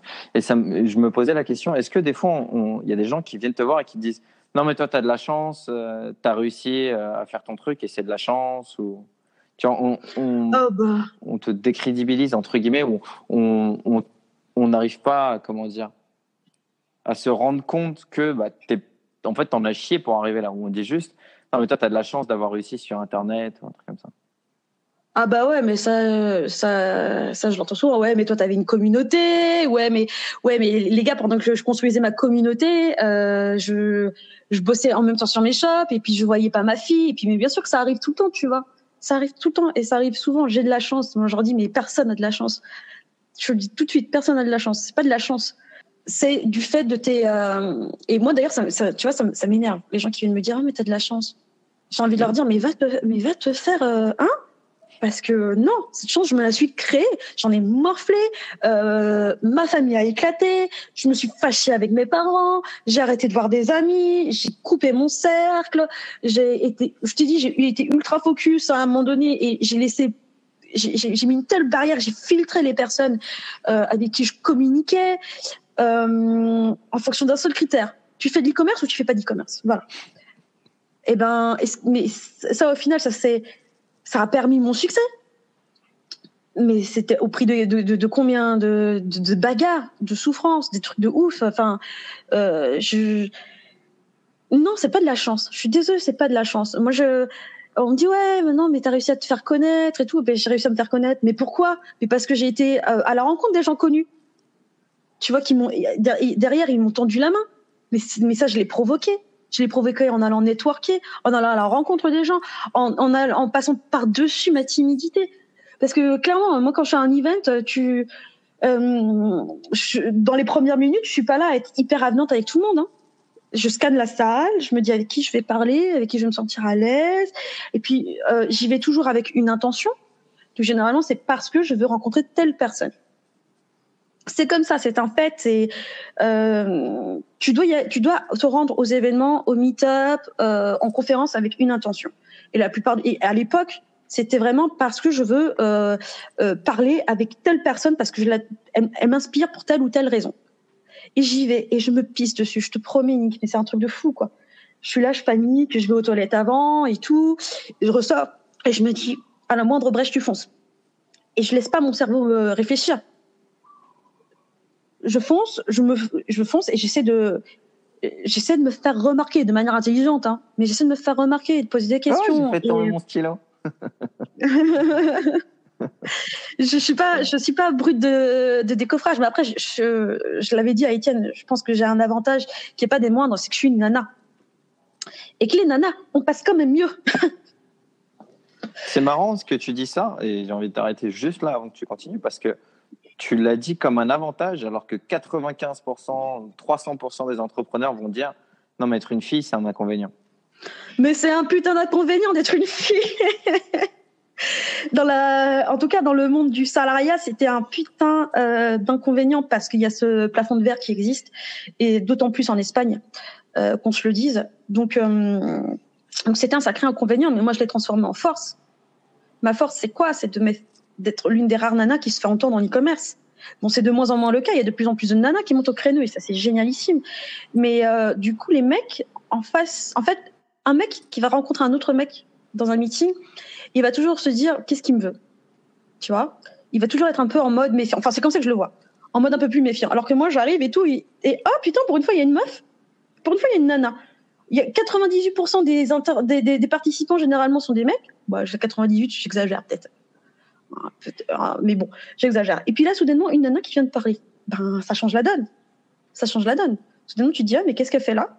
Et puis, et puis voilà. Puis, parce que je, pense qu'un mec qui aurait, qui aurait fait exactement les mêmes choses que moi, à ma place, il aurait peut-être moins, moins performé. Parce qu'il serait peut-être moins passé euh, crème euh, auprès de tout le monde. je, je sais pas, hein, sais comme ça, c'est comme ça que je le vis, c'est comme ça que je le, je le ressens. Mais ce qui était à la base un un, un, défaut, donc euh, les, défauts, des défauts généraux que peuvent avoir les nanas, hein, l'ultra perfectionnisme, etc. Je, tout ça, je, c'est devenu une force dans la sphère ecom parce que c'est, y y a- parce qu'il y a que des couilles en fait. Et là, soudainement, hop, une nana. Et puis même, je me suis fait connaître en, en, en, en polémiquant, en créant un groupe de, de filles que j'adore. Elles sont génialissimes les nanas et on est super bien entre nous parce qu'on partage pas de la même façon que les mecs partagent des trucs ou dans les groupes mixtes. Et euh, elles se sentent plus en, à l'aise euh, de poser leurs questions. Et tu vois ça, je- sais que je me fais taper dessus par les mecs. En mode oh, encore une féministe et tout ça et blablabla parce que ces mecs ils comprennent pas ce qu'est le féminisme euh, en soi. Euh, c'est ça, c'est ma vision. Et j'en ai fait une putain de force, tu vois. Être une femme, ça doit être une putain de force. Ça doit pas être un handicap. Et mais pourtant, je l'ai longtemps vécu comme un sacré handicap. Bah, je pense tout, tout. Enfin, j'ai un, un ami à moi. Alors, je sais pas si, ouais, tu dois peut-être euh, comprendre parce que c'est la façon dont tu t'es introduite, mais euh, présentée, introduite. Je sais pas si on dit introduite en français. mais euh, en fait, il- Joseph, il s'appelle de ce prénom Wang de son famille et c'est un Américain. Euh, et il Mm. m'a dit, en gros, euh, pendant des années, des années, des années, il s'est vu comme un Chinois et donc comme quelqu'un qui devait écouter le blanc. Et il a dit, donc certes, j'étais le mec intelligent, j'étais le gars, mais dès qu'il y avait un blanc, peu importe qui, qui rentrait dans la salle, à chaque fois, je me, je me mettais à l'écouter. Et je m'en suis rendu compte plus tard, à la fac ou des trucs comme ça. Et il dit, même dans les, quand il bossait au boulot et tout, il était toujours, et il se l'est, utilisé à lui-même, euh, enfin, tu vois, il se l'est mis lui-même, cette barrière de, je suis un Chinois, je suis un Asiate, et donc forcément, l'homme blanc doit euh, être supérieur. Et quand il Mm. s'en est, ser- il s'en est rendu compte et qu'il a décidé de le casser en se disant, mais attends, mais je vais parler dans mes communautés, et je vais montrer tout ce que je fais parce que je fais des trucs géniaux. Enfin, le gars, il a fait plus de 150 000 euros de bénéf euh, dans le Amazon FBA en un an. Donc euh, voilà, Eh il, ben. il, il a pesé, il a fait des gros trucs et tout. Euh, et, et il investit énormément dans son dev perso. Et, et voilà. Et donc il s'est dit, mais attends, mais c'est vrai qu'il n'y a pas beaucoup de Chinois qui le font. Alors pourquoi je ne montrerai pas qu'on peut le faire?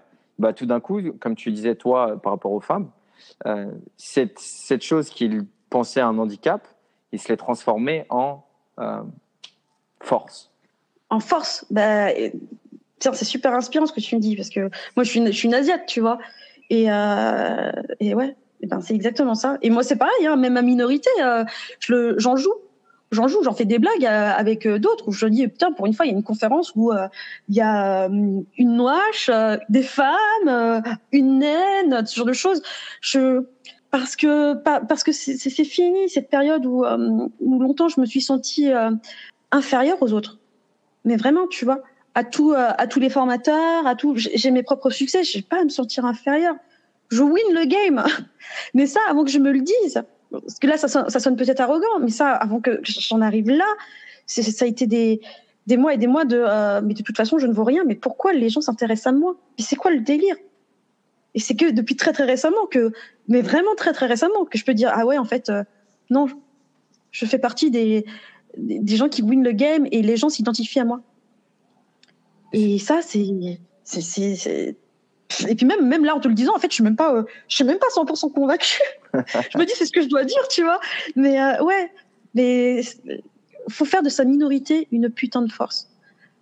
Toujours. C'est ce que, c'est parce que c'est, c'est un, c'est une de tes caractéristiques. C'est un, c'est distinctif. C'est, c'est un. Puis c'est ce qui fait que tu es toi, en fait. Qui a dit que c'était l'homme blanc qui avait toutes les réponses Qui a dit que c'était euh, les hommes qui avaient toutes les réponses Euh, Ou même qui dit que c'est une petite femme chinoise qui a toutes les réponses Tu vois, j'en sais rien. Mais bref, c'est de te dire que to- toi-même, en tant que personne, euh, peu importe ce que tu considères comme un handicap, tu peux en faire une, tu peux en faire une force. Moi, je voulais être blonde aux yeux bleus quand j'étais petite. Bon, bah ça va, je m'en sors bien, tu vois. Ah Euh, presque. euh, mais comment c'est tu as eu le là, déclic de bah De ça, de te dire non, mais il faut que j'arrête de me voir. euh, comment tu as changé cette personne que miroir? Mais parce que un ami coach m'a dit mais meuf arrête de te sentir inférieur. Il me l'a dit comme ça. Il- un, un jour il m'a dit comme ça il m'a dit arrête de te sentir inférieur. Tu Ok. win le game. Tu les as dépassés. Et moi, j'étais là en mode, mais non. Eh ben, c'est de l'entendre. C'est pas moi qui l'ai réalisé. C'est de l'entendre de la part d'une personne que je respecte énormément, qui m'est mis devant les faits. Il m'a dit, mais de quoi tu parles?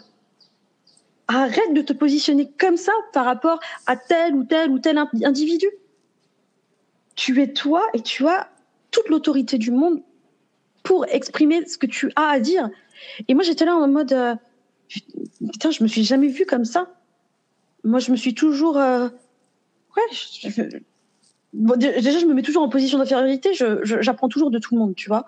Mais là, le fait que quelqu'un, quelqu'un que je respecte énormément hum, et que, j'admire énormément m'assoit en tant qu'autorité, ben, putain, ça fait bizarre, quoi. J'ai dit, lui, il pense ça de moi. Et là, soudainement, je me suis dit, bon, bah, ok, je vais, je vais me le dire. Et je vais dire aux autres que je le sens comme ça. Et donc, du coup, j'essaie de m'auto-convaincre que c'est le cas. Et j'ose te le dire en podcast, tu vois. Alors, est-ce que ça marche? Oui, ça commence à prendre, à, à s'installer. Euh, je commence à avoir de plus en plus confiance en moi. Euh, je- ça, ça, c'est clair et net. Mais euh, ouais, j'ai eu besoin. Alors qu'on dit toujours qu'il faut pas se fier au regard des autres. Ben, moi, j'ai eu besoin de ça. J'ai eu besoin que euh, qu'une personne que je respecte et que j'admire me dise putain, mais en fait, t'es une killeuse. Je, ouais, je suis un peu d'accord. Et on- on- enfin, de toute façon, les proverbes, c'est bien et c'est, tu peux trou- toujours trouver euh, un peu tout. On dit euh, les contraires s'attirent et qui se ressemblent s'assemblent. Donc, tu vois. Ouais. Mais, Ouais. euh, mais c'est vrai qu'en en tant que coach, je vois que les gens, ils, ont toujours tendance à se juger beaucoup plus mal qu'ils jugeraient quelqu'un d'autre. Par exemple, si toi, tu dois me juger sur... et quand je dis juger, c'est pas juger pé- péjorativement, mais c'est par exemple, Oui. je vais faire un dessin et je vais te dire, bah tiens, dis-moi ce que t'en penses. Et tu vas me dire, bah, c'est pas ouf, mais c'est pas si mal. Moi, je vais te dire, non, mais c'est de la merde. Je suis vraiment, euh, je suis le pire des dessinateurs du monde. Je j'ai jamais su dessiner. Je sais pas. Tu vas me dire, c'est sûr que c'est pas, de, de- t'es pas talentueux, mais c'est pas, c'est pas si pire. Tu vois, dans un mauvais français. Euh, tu vois, euh, tu peux prendre des cours avec ma fille de 5 ans, mais tu vois, tu, tu me diras toujours un truc qui sera plus gentil que moi, et vice versa en fait. Et, et on a souvent tendance à avoir en fait besoin de quelqu'un et plusieurs avis de gens qui sont totalement différents pour euh, nous remettre à niveau, je pense. Mais sur, sur le- l'ensemble, il faut quand même se dire que c'est notre vision de nous-mêmes qui a un impact sur notre monde. Donc, peu importe que tous les gens te voient bien ou te voient mal, ça sera toujours à la fin ta façon de voir. Et c'est pour ça que je pense qu'on te dit, c'est toi qui dois te voir en fait bien. Et donc, peu importe ce que les gens pensent de toi, toi, tu dois te voir bien. Parce que si tu ne te vois pas bien toi et que tout le monde te voit bien ou te voit mal, la façon dont toi tu te vois qui va gérer ta vie. Ben, t'as sacrément raison. Et tu sais ce qui est cool dans ce que tu viens de dire, c'est qu'au final, euh, moi qui suis toujours flippée du regard des autres, vraiment, j'ai- j'aime pas, j'ai peur des haters, j'aime pas les gens qui, euh, qui trollent, ce genre de choses, enfin qui trollent méchamment. Ouais. Quand tu trolles avec humour, c'est pas grave. Mais au final, ce que tu, moi, ça me rassure parce que il y a de la bienveillance chez les gens. Tu Beaucoup. demandes l'avis des gens, il y a beaucoup de bienveillance. Et moi, je, je, je voyais pas forcément le monde comme ça. Et, et c'est vrai que c'est, bah, du coup, c'est cool, quoi.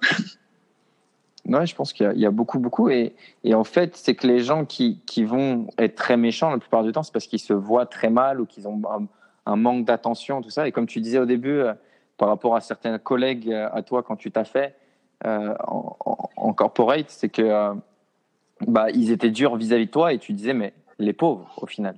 Tu vois. Ouais. C'était pas, toi, c'était eux les pauvres. Et ça me, Ouais. j'ai envie de finir avec ça. C'est pas moi, mon dernier mot, c'est que par rapport à tout ce que tu as dit, il y a un truc qui me sidère, c'est que tu as réussi à dire que depuis que tu étais enfant, tu n'étais, depuis que tu étais enfant, tu n'étais pas euh, une sportive. Et au final, tu sais que c'est parce que tu te dis que tu n'es pas une sportive et tu n'as jamais été une sportive que tu ne, deviens pas, tu ne deviendras pas sportive. Alors que si tu te dis, ben, j'ai jamais fait de sport, mais j'ai toujours eu envie de le faire, et je sais que je peux le faire et que j'ai envie de le faire, tu sais que ça va marcher. Tu sais que si tu changes toi-même cette, cette idée, tu peux commencer. Ouais. Il faut juste te dire quand. Exactement. Faut que je me fixe une date. Putain, mais je me suis inscrit à la, à la salle de sport en plus. Mais t'as 100% raison. C'est magique, ça. La, la force de, le pouvoir de la décision. Bah, c'est parce que c'est toi qui m'as dit ça. En fait, tu m'as dit pendant tout, tout, tout, tout le podcast, tu- Ouais. tu t'es coaché toi-même. En fait, c'est ça qui est énorme. Parce que tu as dit, j'arrive à tout faire. Il suffit juste que je dise, OK, je m'y mets.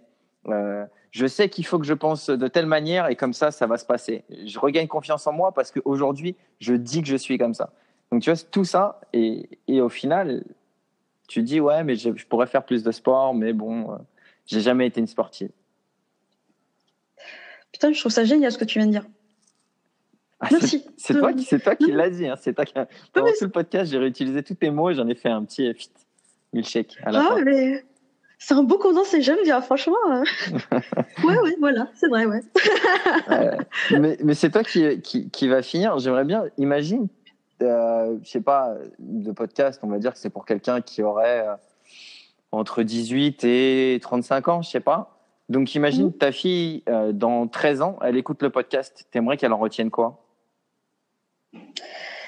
Oh là là, la pression Euh, Je voudrais qu'elle retienne que euh, rien ne peut l'arrêter dans la vie, quoi qu'elle décide, quoi qu'elle décide.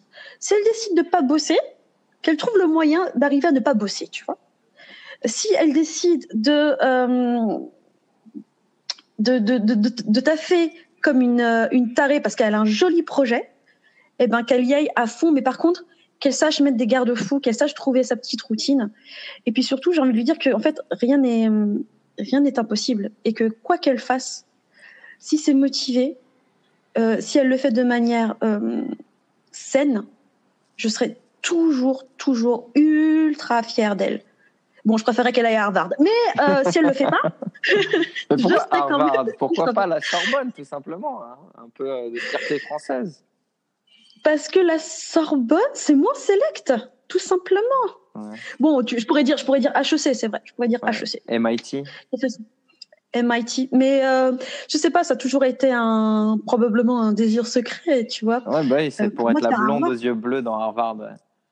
Exactement. Euh, et, et- sait-on jamais, des fois, peut-être un jour, ils m'accepteront euh, quand j'aurai 50 piges, tu vois. Ils se diront, ouais, non, si, Isa, elle vaut la peine de rentrer à Harvard, vas-y, viens, viens. Ouais. Et j'irai étudier, je sais pas, moi, la psychologie ou euh, le dessin à Harvard, je sais rien. Ça pourrait, être un, ça pourrait être un méga kiff. Peut-être que tu enseigneras le brokerage en ligne. Et, et- putain, être enseignante à Harvard, ce serait encore plus beau. Bref, tout ça pour dire à ma fille que je, je, je ferai tout mon possible pour pas projeter sur elle euh, ce que je veux faire moi. Et que je serai toujours ultra fière, euh, ultra fière d'elle, tant que elle, tant que c'est une personne euh, euh, bienveillante et qu'elle ne fait du mal à personne autour d'elle. Voilà. Nice.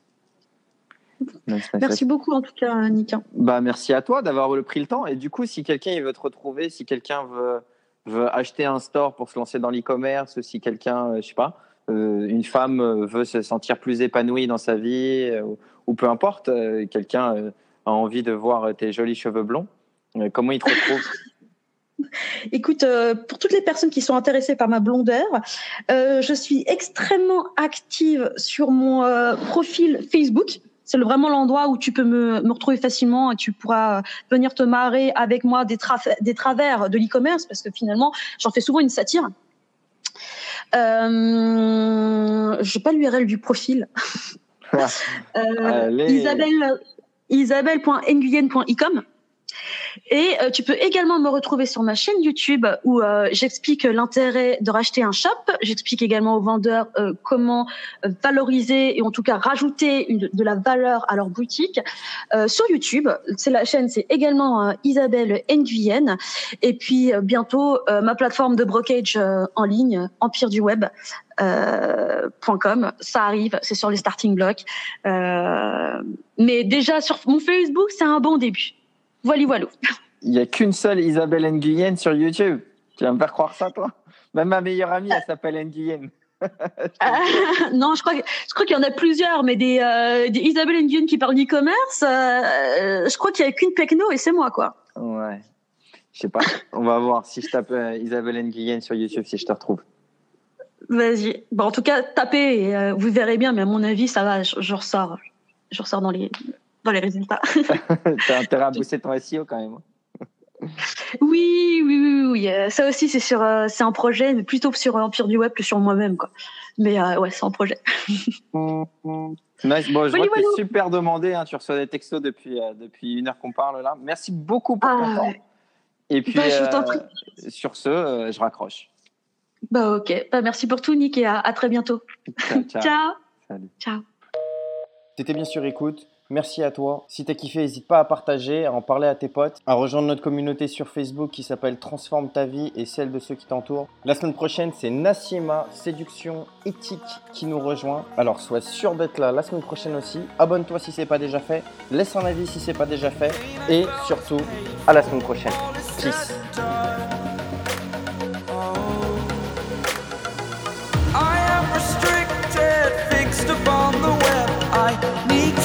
The habit that my mind is breathing.